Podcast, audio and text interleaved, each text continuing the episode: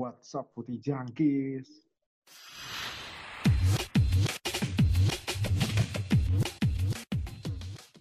Tahu apa kamu soal bola? Yo yo, what's up? Semangat dong, Fer. Semangat, Fer. Apa kabarnya kalian? Ya. Kalian kabarnya Baik, gimana? baik, baik. Baik, baik. Gimana? Ya, selamat Idul Adha, teman-teman. Alhamdulillah, eh, kita Iya. makan kambing-kambing, makan sapi berkolesterol liar lagi ya, guys. ya. Kita harus menjaga tubuh. Ini udah udah masuk weekend lagi. Stok stok daging kambingnya Ferry masih banyak tuh tapi katanya. Tadi dap- dapat banyak katanya dia. Makan kambing. Iya. terus. Gimana gimana? Udah Kalian, pusing gue makan ada. kalian long weekend nih berarti ya? Yo, i. Pasti. Weekend, long weekend. Nanti Senin udah masuk kerja lagi. Ya udahlah mau gimana lagi. Dan uh, liga-liga Eropa ini juga udah mulai selesai ya. Uh, Serie A tuh awal Agustus nanti udah selesai awal Agustus. Malah ini ini udah ini udah awal Agustus udah, udah ganti bulan ini kan malah udah ganti bulan. Serie A udah klasmennya udah nggak penting juga. Juve selamat udah juara 9 kali secara berturut-turut dengan tagline stronger. Coba di, gue mau nanya sama lo deh. Ini sebenarnya yang jago Juve apa emang pesaingnya pada bapuk semua sih? Di? Gua eh, bilang bisa bilang sih pilihan keduanya sih lebih lebih ke kompetitornya malah belangsak semua habis pandemi. Kan gue lihat diskusi-diskusi Serie A gitu, Hmm. seandainya nggak pandemi mungkin Lazio bisa juara sih karena waktu itu tracknya kan lagi trennya lagi naik banget kan. Hmm. Habis pandemi malah jebol. Gitu. Terus Juve juga sebenarnya angin-anginan sih menurut gua musim ini nggak sekuat musim lalu. Juve yang pekan ke-37 aja malah kalah sama Cagliari juga 2-0. Iya. Makanya kan yang habis dia pesta juara itu ya em, emang gue setuju sih sama lo kayak Lazio terus Inter, Atalanta juga jadi memble juga sih pas restart COVID Benar. itu. Malah yang Gaspol tuh malah Milan kan, cuman Gaspolnya juga telat gitu loh. Gaspolnya tuh telat banget menurut gue. Coba dia tuh udah Iya, dari yang kemarin-kemarin habis Januari apa Desember dia Gaspol tuh mungkin bisa gitu loh. Padahal kalau dilihat klasmennya aja dia sama kayak MU gitu kan. Jadi klasmen MU kan kalau after restart COVID tuh peringkat berapa tuh MU? Peringkat satu apa dua tuh? Hud? Lupa gue. Kalau ada klasmen apa? Kalau setelah COVID. Nah, kan ada tuh yang bikin Oh iya, poinnya iya, poinnya paling tinggi dia. Iya. Orang itu kan nggak kalah sama sekali, nggak ada kalah sama sekali dia. Nah, sama kayak Milan gitu. Cuman udah Cuman telat. seri Cuman- lawan Spal ya. Iya, cuman seri lawan Spal sama Napoli. cuman seri lawan Spal sama Napoli. Tapi beruntungnya MU itu juga yang peringkat-peringkatnya kayak Chelsea, terus si siapa Wolverhampton tuh pada buang poin, jadi dia bisa Leicester. Leicester. Hmm. Dan gapnya nggak terlalu jauh. Nah, Nggak kayak iya, Milan, gapnya kejauhan. Iya, kalau Milan gapnya juga udah jauh sih. Dan yang lebih kasihan lagi Milan lolos peringkat 6, lolos Europa League, tapi fasenya tuh jauh banget sih. Gue juga ya udahlah sebagai fans Milan dinikmati aja. Dan gue juga baru tahu, gue baru baca ya, itu ternyata nanti di musim depan itu katanya, gue tadi baca dari Rossoneri Blog ya di Twitter ya, itu dia nanti kualifikasinya itu juga satu leg semua. Jadi main tiga round ya, main tiga round itu satu leg semua. Gue juga baru tahu. Gue kira tuh sistem satu leg itu cuma buat UCL sama uh, Europa League musim ini doang. Ternyata emang musim depan pun playoff-nya katanya masih satu leg juga gitu. Gokil juga sih itu. Tapi only only playoff ya, playoff doang ya. Grup Oh, dan enggak. masih normal ya. Nah itu gue belum tahu. Gue baru baca tuh tadi yang buat playoff-nya doang sih. Nggak tahu tuh playoff Liga Champions seperti apa. Kalau yang Europa League itu kayak gitu nanti satu leg doang. Gokil sih. Itu pasti udah bener-bener hidup dan mati banget gitu loh. Tapi lawannya juga tim-tim antar berantah, Jack. Keterlaluan juga sih kalau Milan nggak bisa lewatin. biasanya kalau yang uh, first round sama second round itu tim tanda berantakan. Nanti pas udah yang playoff round itu bisa tuh ketemu kayak Spurs. Spurs nanti kan juga kualifikasi soalnya. Mungkin yang rada berat ya kayak gitu-gitu tuh kayak nanti dari Liga Spanyol tuh yang gue baca mungkin klasmennya Athletic Bilbao ya atau Real Sociedad yang kayak gitu-gitu. Mungkin yang berat ya cuman kayak gitu doang gitu. Gitu sih. Kalau dari update seri. Kalau dari update apalagi nih update berita transfer ini kemarin sahabatnya Muhammad Salah akhirnya sudah pergi meninggalkan Liverpool ini kan pemain kayaknya yang paling dielu-elukan sama fansnya Liverpool ya Fer? Ya? katanya Dejan Lovren tuh kayak pembawa sial gitu selain si Adrian gitu kan. Lu gimana Fer? Dejan Lovren Fer? Apa ya? Sebenarnya Dejan Lovren tuh kayak lu pasti benci sama dia kalau main, cuman orangnya tuh kayaknya likable banget gitu sama fans itu. Jadi kayak kayak sebenarnya termasuk fan favorit sih terutama karena temenan juga sama sama siapa? Sama si Salah itu. Dan ya good luck lah buat Dejan lah menurut gua eh, momen dia waktu gegolin di semifinal Europa League lawan Dortmund itu termasuk yang epic sih buat Memorable. buat eh, pemain yang kayak se- selevel dia gitu. Tapi Dejan Lovren pas Betul. Piala Dunia 2018 mainnya bagus loh anjir. Dia tuh angin-anginan Jack. Dia tuh kalau lagi form, lagi on fire, dia tuh pasti eh, hampir tidak ada kesalahan gitu. Cuman kalau sekalinya deep gitu nggak kayak Vanda gitu kan kalau dia lagi nggak on form eh, masih tetap main clean gitu. Kalau Vanda kalau Dejan nggak on form udah berantakan itu. Hmm. Kayak yang lawan Watford itu kan kayak gitu. Iya kan Lovren tuh Lovren kan biasanya gitu kayak di setiap satu tim tuh kan ada aja kan biang keroknya di setiap tim tuh pasti ada gitu. kalau Liverpool ini kan Dejan Lovren kan paling benalunya sekarang cuma Adrian yang kayak biang keladinya kalau gimana Erora tuh kayak Adrian doang kan sekarang gitu Tapi Jack menurut gua peran pemain kayak Lovren tuh nggak bisa dianggap remeh loh. Kan banyak yang bilang uh, pemain pemain tuh nggak cukup di dalam lapangan tapi bisa juga menghangatkan uh, ruang ganti gitu kan. Salah satunya mungkin pemain kayak Lovren. Iya nggak sih?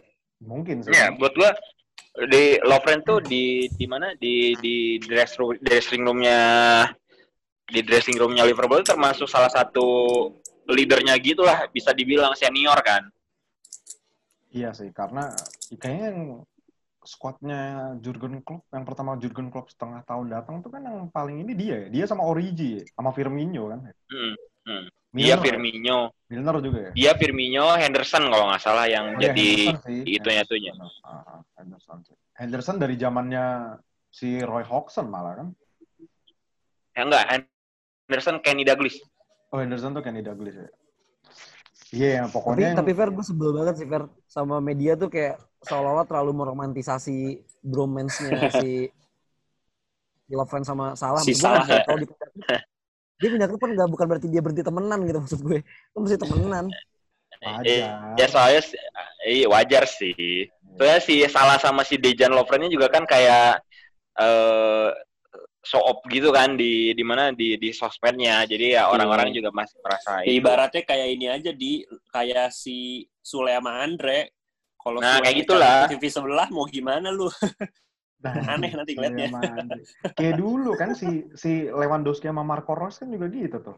Pas udah Mm-mm. pas udah pisah ketemu di lapangan cengir-cengiran sendiri gitu anjir lucu banget ya. Terus siapa tahu Liverpool ketemu Zenit kayak gitu juga kan nggak lucu seru juga tuh. Terus nggak tahu si salah dicidrain kayak waktu Sergio Ramos gitu kan nggak tahu sama Lovren nangis pasti ntar. Epic banget sih. Epic banget. Terus ada berita dari transfer lagi nih ada rumor juga katanya David Silva ini mau ke Napoli sama atau ke Lazio malah kalau ke Napoli sama Lazio. Lazio. Iya katanya ke Lazio gila pindahnya ke biru-biru langit juga ya kalau beneran jadi. Tapi ini masih rumor sih, belum ada kepastian juga. Terus City ini dia udah ngakuisisi Nathan Ake dari Bournemouth yang klubnya udah terdegradasi nih, harganya 40 juta 40 juta pound apa euro ini?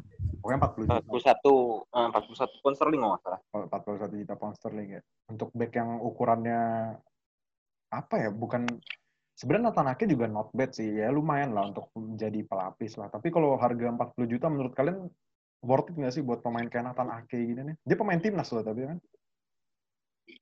Gimana Hood? Lo, Iya, timnas Belanda deh. timnas Belanda dia kan. Cuman Nathan. Ake tuh, kalau menurut gua oke loh. Dia salah satu center back kiri yang kidal ya. Menurut gue ini cukup cukup baik lah.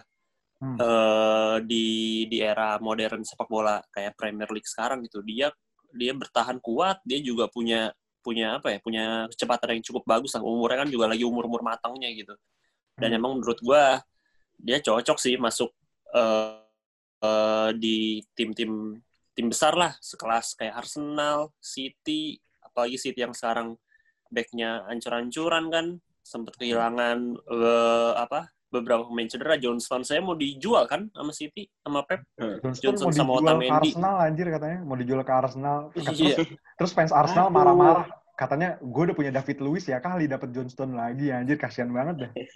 Kasihan sih itu. Itu ibaratnya lu menambah menambah orang-orang bodoh sih di dalam tim. Jangan sampai sih. Lu ada tambahan gak di Nathan Ake di? Tapi Nathan Ake tuh ke ges ke dia geser Stefan De Vrij apa gimana sih? Apa dia timnas tapi kan Nathan Ake itu ya? Iya. Tapi eh, bisa back kiri juga Jack dia itu. Jadi nggak nggak cuma center back doang. Iya, bisa back kiri. Cuman kalau Sebenarnya dari- Jack, apa-apa? Patokan gua kan Nathan Ake tuh sering kita mainkan di FPL ya. Dia kan Hmm. lumayan juga kan penyumbang poin yang lumayan gitu untuk seorang center back. Iya. Soalnya kalau di Bournemouth kagak ada lagi pemainnya selain dia ya. Callum Wilson, Mungkin dulu kalau Wilson sama si Hmm. ini kan King eh, King, siapa namanya? Joshua King. Joshua King. Heeh. Nah, tapi maksud gua untuk tim yang degradasi, pemainnya degradasi, apa tim yang pemain yang timnya degradasi dengan harga 40 jutaan itu gak worth it sih. Harusnya dengan kondisi kayak gitu kan biasanya tim cuci gudang ya, bisa dapat harga murah lah harusnya. Gak sih, gak worth it menurut Kalau gue bilang 25 juta, 30 juta sih harusnya ya. Iya, 20 juta masih oke lah. Tanaki nggak jelek kok, tapi kalau untuk 40 juta enggak sih.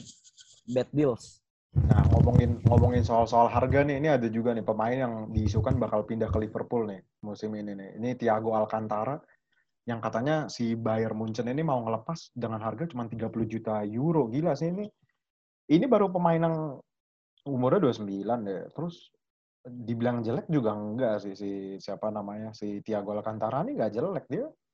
Malah kalau di kalau nggak pindah dari Barcelona bisa jadi suksesor Sa- Xavi mungkin ya dia di Barca di Bayern Munchen ini kegeser posisinya sama Goretzka kan terus si Joshua Kimmich juga udah dibalikin ke tengah gitu loh lu ada tanggapan nggak Per dengan transfernya si Thiago ini kalau ke Liverpool dia cocoknya main di posisi lebih bisa box to box dia bisa playmaker juga kan dia kan Hmm. Hmm. Thiago ini Gua sih ngelihatnya eh banyak rumor sih di kenapa pembeli eh, pembelian Thiago itu kalau eh, bakal kejadian kalau eh, ada midfielder yang cabut kan. Kayak Gini juga kan eh, Wijnaldum lagi kontraknya masih belum diperpanjang gitu kan. Hmm. Eh, masih masih negosiasi.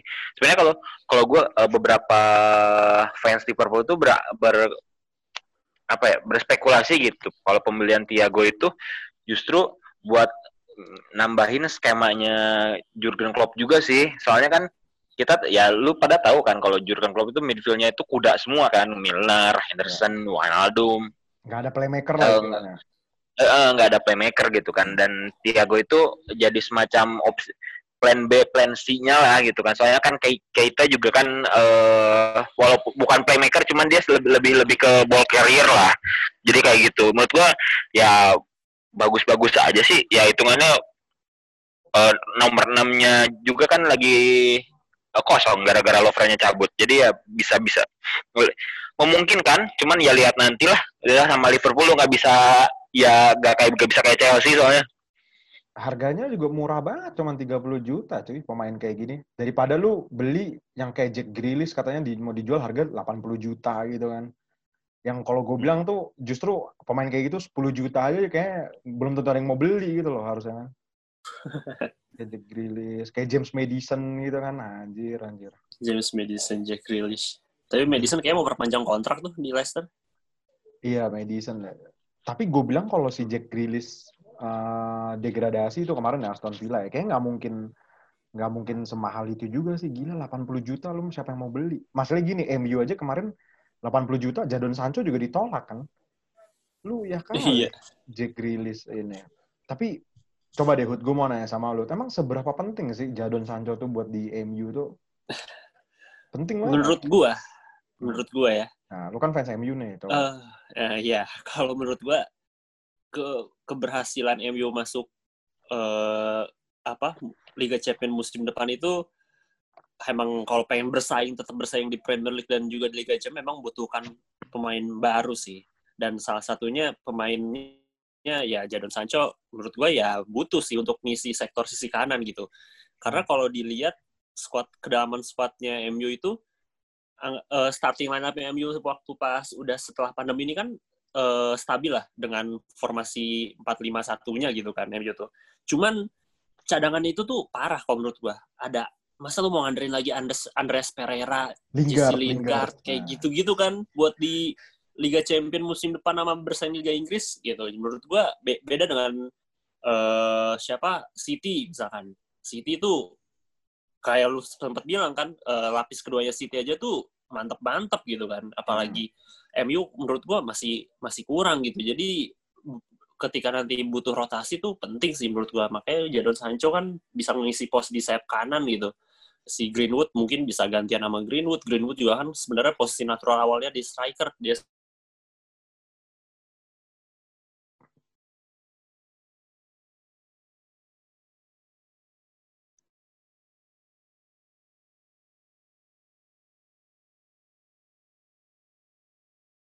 seratus lebih ya kalau nggak salah ya mintanya. Serat- Gila sih 110. menurut gua. Iya menurut gua mahal banget sih. Eh, Kalau lu mungkin Fair atau Aldi, menurut lu pemain yang paling oke di musim transfer ini siapa? Yang paling ini? Yang paling yang paling hot lah menurut lu? Lu Bursa pada transfer selain sekarang. Jadon Sancho kan lagi lagi lagi lagi tinggi banget nih. Menurut lu juga Jack gimana kan- tuh? Kalau kalau gue kan ngeliatinnya ini ya, Hud, ngeliatin Fabrizio Romano paling sering. Hmm. Rumor-rumor tuh Iya, udah jelas benar. jelas. ah. Kemarin gue lihat Messi katanya beli Inter. Mau ke Apaan Inter. sih? Nah itu itu Messi ke Inter tuh siapa yang bikin sih anjir? Gak tahu. Apa Berita coba? Katanya sih sih. Corriere, Corriere dello Sport, Jack. Anjir. Gak tahu gitu. ke Antar. Alah, Aku- buset. Itu tabloidnya mi- mirip The Sun itu. Iya kayak The Sun aja lu bikin. Tapi ini sih, gue banget. eh, gue kalau ngomongin Jadon Sancho tadi ya, tadi gue sempet ini nih, apa?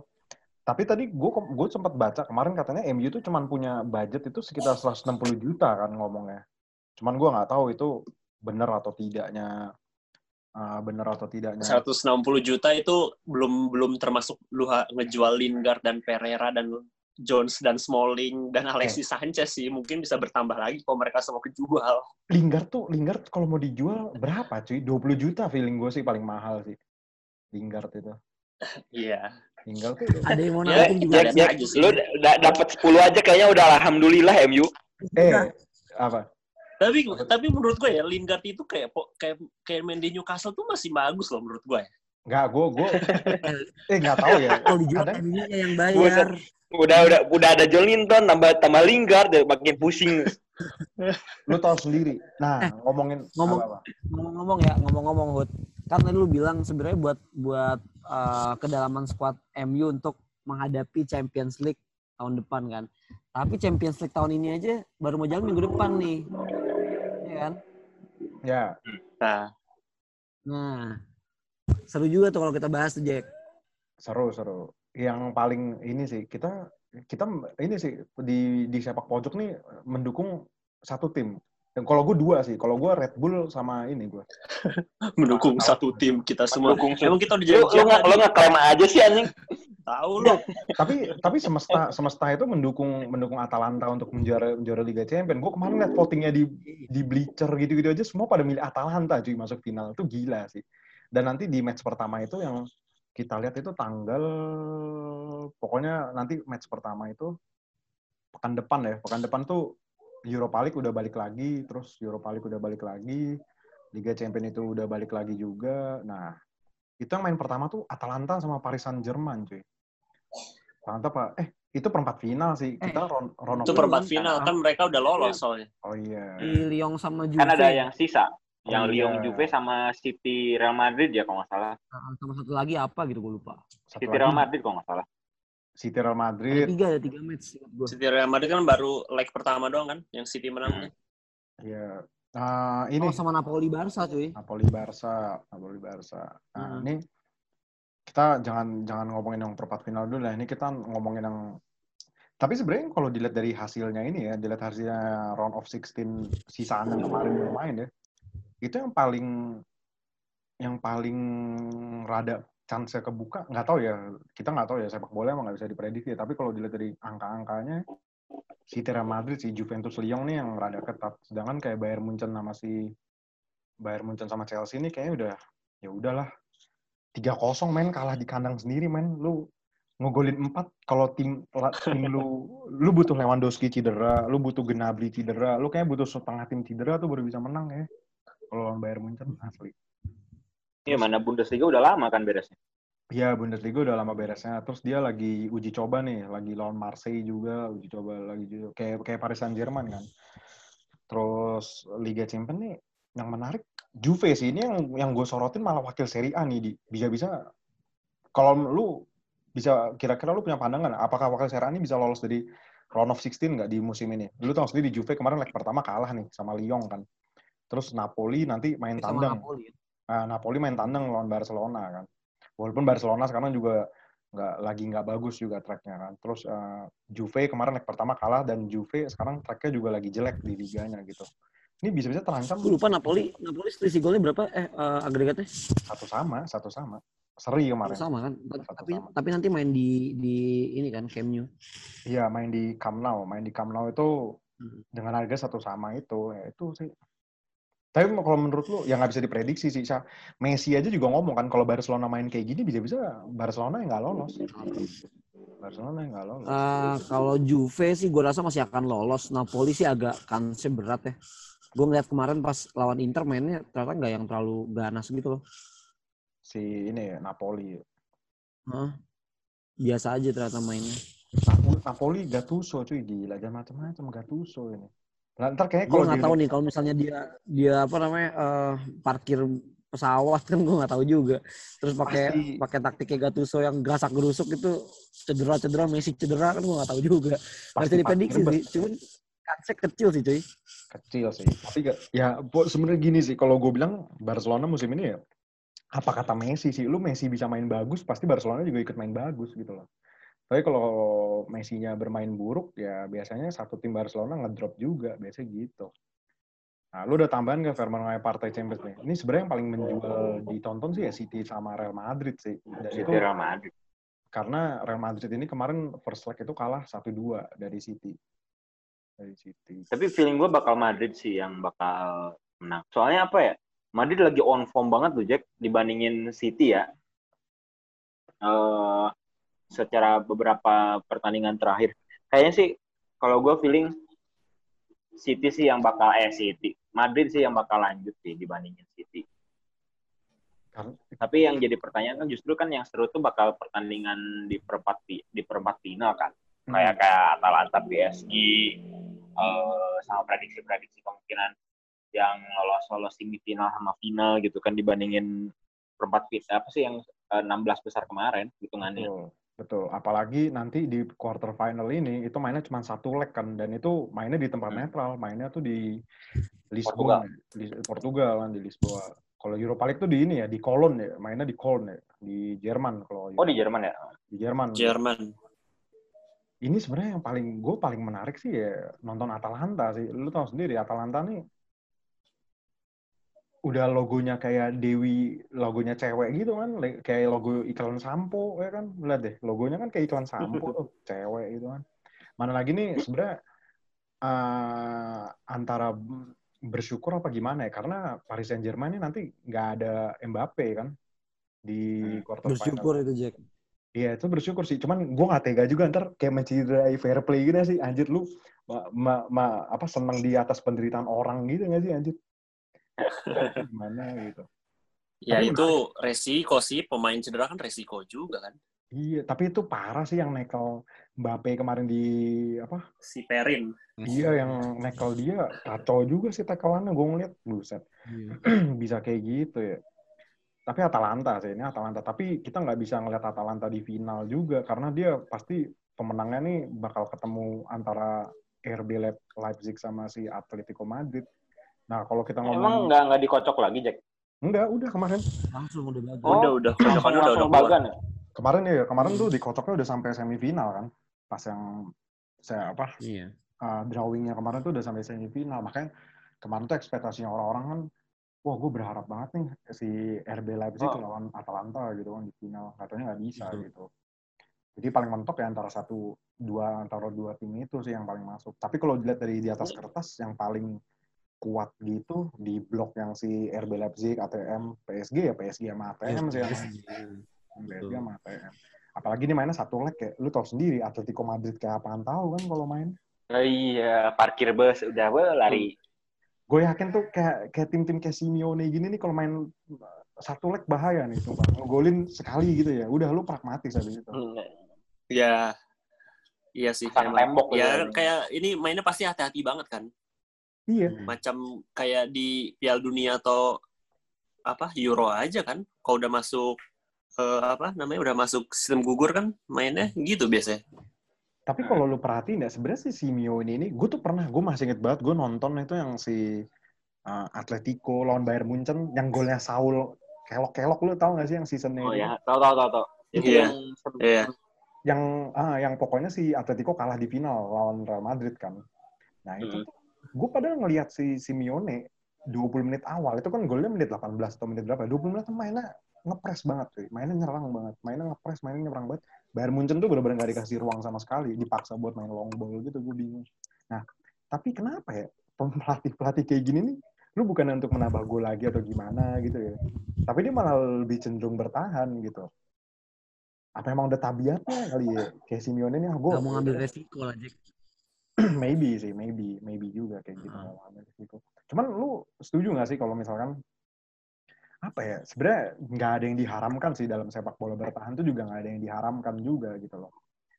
Tapi gue jujur aja gue kayak nggak begitu suka juga kalau ngeliat lu bertahan dari awal gitu kan lu one way traffic football gitu tuh kayak kan untuk penonton netral kayak bosen gitu kan.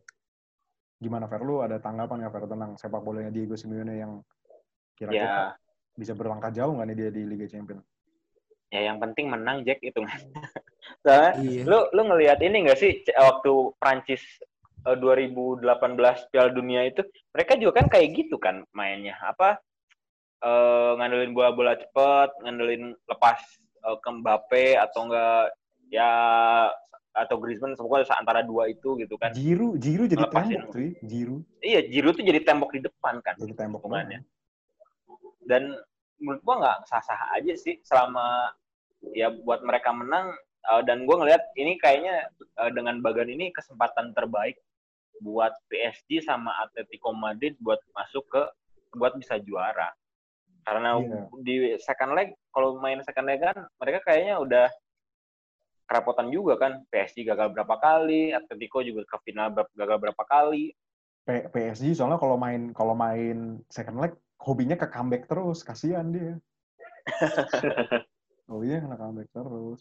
Ya sebenarnya bener sih, cuman gue yang malah lebih bikin salah tuh justru kayak tim-tim kayak RB Leipzig, kayak Atalanta, mereka bisa main seatraktif itu dong. Lu lihat aja di Serie A kan, jadi ya kita suka no- kan fans Serie A nih, suka nonton Atalanta. Gila, golnya aja baru udah mau match di, belum match di kelar aja udah mau seratusan gitu kan. Tapi kalau dilihat emang Dua gol lagi dia 100 cuy.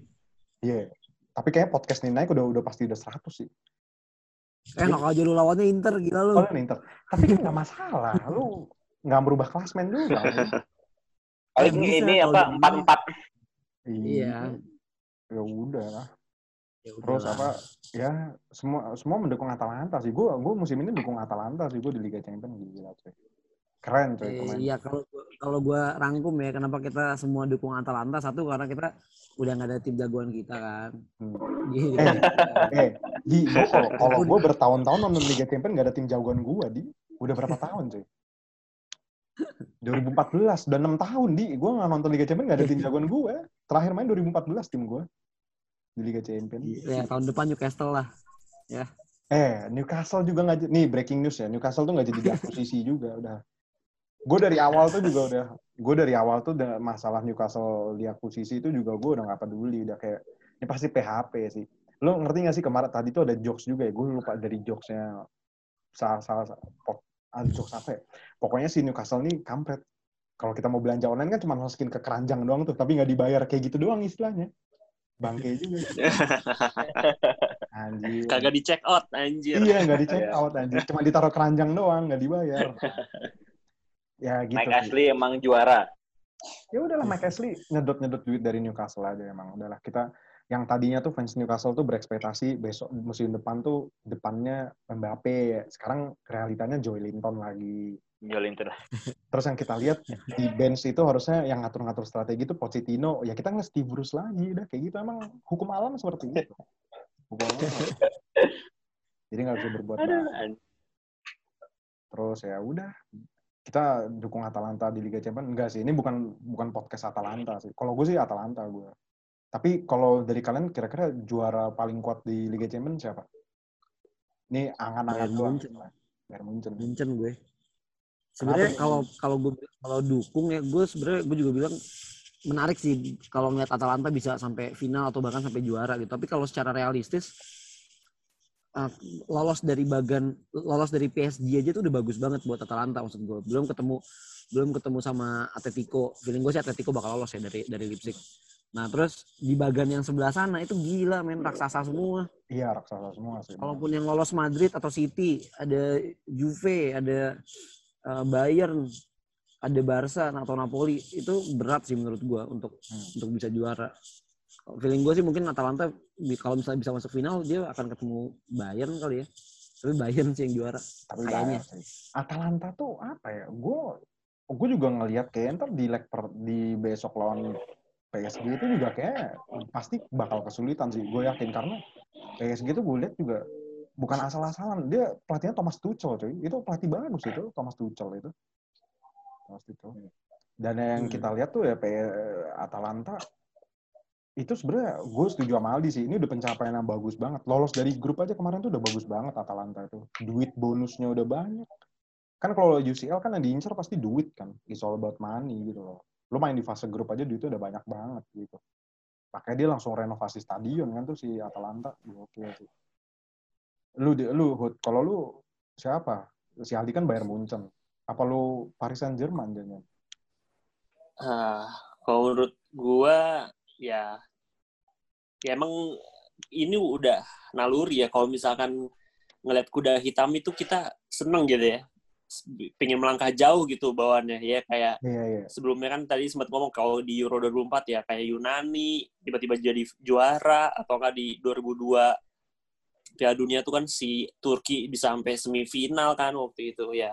Kalau menurut gue emang Atalanta sih cocok sih dan menurut gue sangat sangat wow banget sih. Tapi kalau kalau melihat dari perkiraan ya mungkin gue hampir sama sih kayak Aldi Bayern Munchen. Kalau nggak mungkin City cukup besar sih kansnya. Karena udah punya ngantongin dulu satu leg di ini menang lawan Madrid uh, tinggal lawan berikutnya siapa sih? Karena menurut gue City udah cukup baik sih uh, ini apa ya asalkan backnya nggak ngaco aja ya soal attackingnya mereka udah luar biasa sih apalagi Pep gitu. Tapi kan ya si, Munchen atau City sih. Tapi kadang si Pep ini dia trauma sama VAR-nya Liga Champions jadi kan kemarin di PHP itu yang si Spurs ya. Nah, gitu. oh London Spurs ya? Yang yang iya. sampai yang sampai apa? Yang sampai bertekuk lutut itu. Iya yang ekspresinya tuh priceless banget. Gila anjir. Itu gue nonton gue nonton wah gila nih di comeback. Nggak tuhnya VAR cuy. Itu gue yang nonton aja nonton di TV aja juga wah anjing gila kasihan banget ini Pep asli gimana sih Pepnya ngeliat di ini langsung cuy cuman gue bener perempat final kan ya Iya perempat final bener. Eh lawan City, iya perempat final. Bener. Iya perempat, iya, perempat final. Iya. Finalnya kan lawan kan Tottenham lawan Ajax. Ya. Lawan Ajax ya. Iya. Itu tapi sakit hati gue juga tuh gue liatnya. Iya cuy. Itu tapi emang kalau si Lukas Moura nih terakhir aja. Iya, iya Lukas Moura. Eh Lukas Moura kan Ajax kan? itu goblok sih kalau yang lawan Ajax sih Spurs sih. Ajax sih yang iya. bego menurut gue. Lu punya agregat 3-0 terus bisa disalip tuh bego sih menurut gue asli bego banget sih. Itu lucu banget sih. Dan andai Ajax masuk final mungkin ceritanya akan lain sih Fer. Jujur ya, menurut gue ceritanya akan lain. Liverpool belum nggak akan semudah itu menang final menurut gua. Nah, mungkin mungkin lebih ada perlawanan sih. Tapi jujur gua kalau ngomongin final Liga Champion tahun kemarin itu yang Liverpool juara, itu bosen banget gua asli. Ya nggak fair? Hmm, gua gua nggak kalau lu ngomongin 2019 yang tahun kemarin, feeling gua Liverpool tetap juara, cuma nggak akan ngebosenin kayak kemarin. Iya, iya benar. setuju. Tetap juara tapi kayak nggak bosen matchnya. Mm -mm. Gue nonton. Kayak main aman gitu, dua-duanya. Iya sih, emang main aman banget sih. Apalagi main hati-hati. Tapi asli itu final boring sih. Gue nonton final Liga Champions paling boring apalagi. Itu sih kayaknya itu yang seumur hidup ya. Sebenarnya finalnya Milan sama Juve yang 2003 tuh juga boring aslinya. Biasa aja. Oh, oh iya, itu kan 0-0 sampai adu penalti kan. Iya tuh sebenarnya juga aslinya boring sih gitu. Cuman ada kepuasan tersendiri gara-gara jagoan gue juara. Padahal aslinya boring banget matchnya. Nah kalau lu, Fer, si lu kira-kira yang bisa melangkah lebih jauh atau bahkan juara di Liga Champions musim ini siapa? Lu pasti nggak mau Atletico juara kan? uh, gua uh, ya sebenarnya kalau dari dulu sih dari kalau jagoan-jagoan kayaknya kita semua ini ya underdog underdogan sel- selalu underdog milih underdog ya Jack ya. Ya Cuman karena kalau gua ada tim sih- kita. Biasanya gue gitu kan. Gue tuh kalau Iya gitu kan. gue tiap gue tiap turnamen ya apa pun itu misalkan Piala Dunia waktu itu Piala Dunia 2010 Italia udah gugur kan gue dukung Ghana gue sampai gue beli jersinya karena udah ya udah mau dukung siapa lagi gitu loh males gue gue gitu Iya. Atau enggak ya kayak tetap musim kemarin juga kan Ajax juga banyak Ah, yang ngedukung iya. gitu kan. Dan- Tapi kayak feeling gue sih kemungkinan besar ya kalau eh PE gue feeling yang bakal juara itu malah Real Madrid sih ngelihat eh, formnya mereka eh, akhir-akhir ini sih. Kalau dia lolos apa menang dari City ya, feeling gue sih Real Madrid bisa jadi benar-benar juara. Cuman kalau gue bener antara Real Madrid atau enggak PSG sih. Soalnya ini benar-benar kesempatan besar banget buat buat PSG, buat Neymar membuktikan kalau mereka dia bisa sukses di mana di Paris gitu kan walaupun sebenarnya kompetisinya juga di courting banget kan gara-gara corona ini. sebenarnya kalau sudah di courting juga udah pasti juara juga kan mereka Eh, makanya. tapi ya bener sih kalau yang paling ngotot sebenarnya bener kata Huda sih City soalnya Pep tuh kan ngebet banget kan dia dapat UCL di City tuh dia pingin banget bisa aja gitu loh. Tapi kalau gue kalau disuruh milih juga gue realistis ya. Mungkin final bisa bayar sama City sih. Itu kayak yang terkuat lah dua kalau menurut gue Bukannya bega, eh, satu bagan ya Jack? Bayern City. bayar City? Eh iya eh iya Nggak satu bagan yang bener sorry sorry satu bagan dia. Maksudnya, apa maksudnya mereka emang peta kekuatannya paling kuat sih. Kayaknya eh, ya kita lihat aja sih. Gue ya kalau bisa disuruh realistis ya bayar sih emang paling gila sih. Dia tuh kayak dari depan ke belakang tuh nggak tahu ya sejak si Hansi Flick ngambil alih tuh kayak Bayern yang asli itu ya keluar balik lagi gitu loh. Beda sama kayak yang pas zamannya si Kovac yang up and down gitu. Kalau gue ngeliat sih Bayern Munchen yang sekarang emang ngeri banget sih. Gitu sih kalau gue bilang. Tapi emang balik lagi ke tadi Ferry ya kenapa kita dukung underdog tapi emang kalau ngeliat underdog di Liga Champions itu pasti kayak seru banget kan kayak dulu Leeds United pernah semifinal kan 2001 terus Monaco sama Porto terus apa ya Depor Deportivo tuh Di Deportivo La Oh, perempat final doang, 2004 ya. Gitu. Perempat final. perempat final Deportivo terus Malaha terus Dortmund masuk final kan yang pas Jurgen Klopp itu kan semua orang kayak bener sih kayak punya excited kan anjir nih gue kalau ngeliat underdog juara tuh keren banget pasti kan soalnya kayak udah udah satu dekade ini nggak ada underdog juara sih kalau bisa dibilang ya itu emang Iya. tim-tim gede semua nggak ada underdog terakhir underdog juara ya Porto sih 2004. 2004 yang Iya, udah, udah nggak satu dekade tapi iya udah nggak dekade satu Udah lebih, Pak. udah lebih Udah. banget Udah lebih loh, udah 16 tahun lalu. 16 tahun. Itu Mo- Mourinho kan ya? Mourinho Iya, Mourinho. dia tuh ngalahin siapa aja ya Porto tuh MU Deportivo tuh Ngalahin dikalahin- MU. Deportivo tuh dikalahin sama dia bukan sih apa Monaco yang ngalahin Deportivo lupa gue Gue lupa gue. oh dia ngalahin Chelsea Oh, 2000. ya? Heeh. si Porto tuh ngalahin Chelsea juga ya kalau nggak salah ya pas semifinal ya gue lupa tuh antara si Deportivo dikalahin Porto apa Monaco lah pokoknya itu padahal gue pingin banget Deportivo sih yang masuk final kayak lebih keren aja gitu loh kalau Deportivo terus apa eh, masalahnya kita ngomong-ngomong Deportivo Deportivo ini baru degradasi cuy ke divisi 3 ternyata Divisi 3. parah sih Divisi Deportivo. 3 deh. Padahal Deportivo ini kayak tim underdog yang dulu didukung sama anak-anak seumuran kita lah atau generasi yang di atas kita dikit lah. Dulu kan belum ada anak-anak anti mainstream yang dukung Atletico Madrid, cuy. Nggak ada, cuy. Dukungnya Deportivo pasti. Deportivo tuh didukung sama Ucup Bajai Bajuri Jack. Nah, Jersinya itu. Nah, iya kan, per- Bajunya. iya kan pernah tuh. Yang sponsor Fadesa kan, anjir. Gue masih inget banget tuh Deportivo. Dia gokil sih. Baju KW-nya. Nah, tuh Ucup Bajai Bajuri itu kalau di luar negeri ibaratnya kayak Snoop Dogg timnya banyak jagoannya. Snoop Dogg kan gitu kan ganti-ganti baju mulu anjir. ganti-ganti jersey. Iya ganti-ganti jersey. Ya ya udahlah, gue cuman berpesan kita nikmati saja Liga Champions ke depannya karena nanti bah- mas- masih banyak sebenarnya banyak sih bahasan dari bola ini banyak banget. Karena tenang aja Liga udah selesai musim apa musim depan masih ada Liga Champion, masih ada Europa League juga yang timnya ada di Europa League nonton juga. Gue biasanya kalau Europa League cuma nonton final doang sih biasanya. Oke itu yang paling seru. Gitu. Ya udahlah, kita akhiri podcast ini saja. Terima kasih untuk weekend ini, guys. Ferry, Huda, dan Aldi. Thank you. See you Yo. next week. Tahu apa kamu soal bola?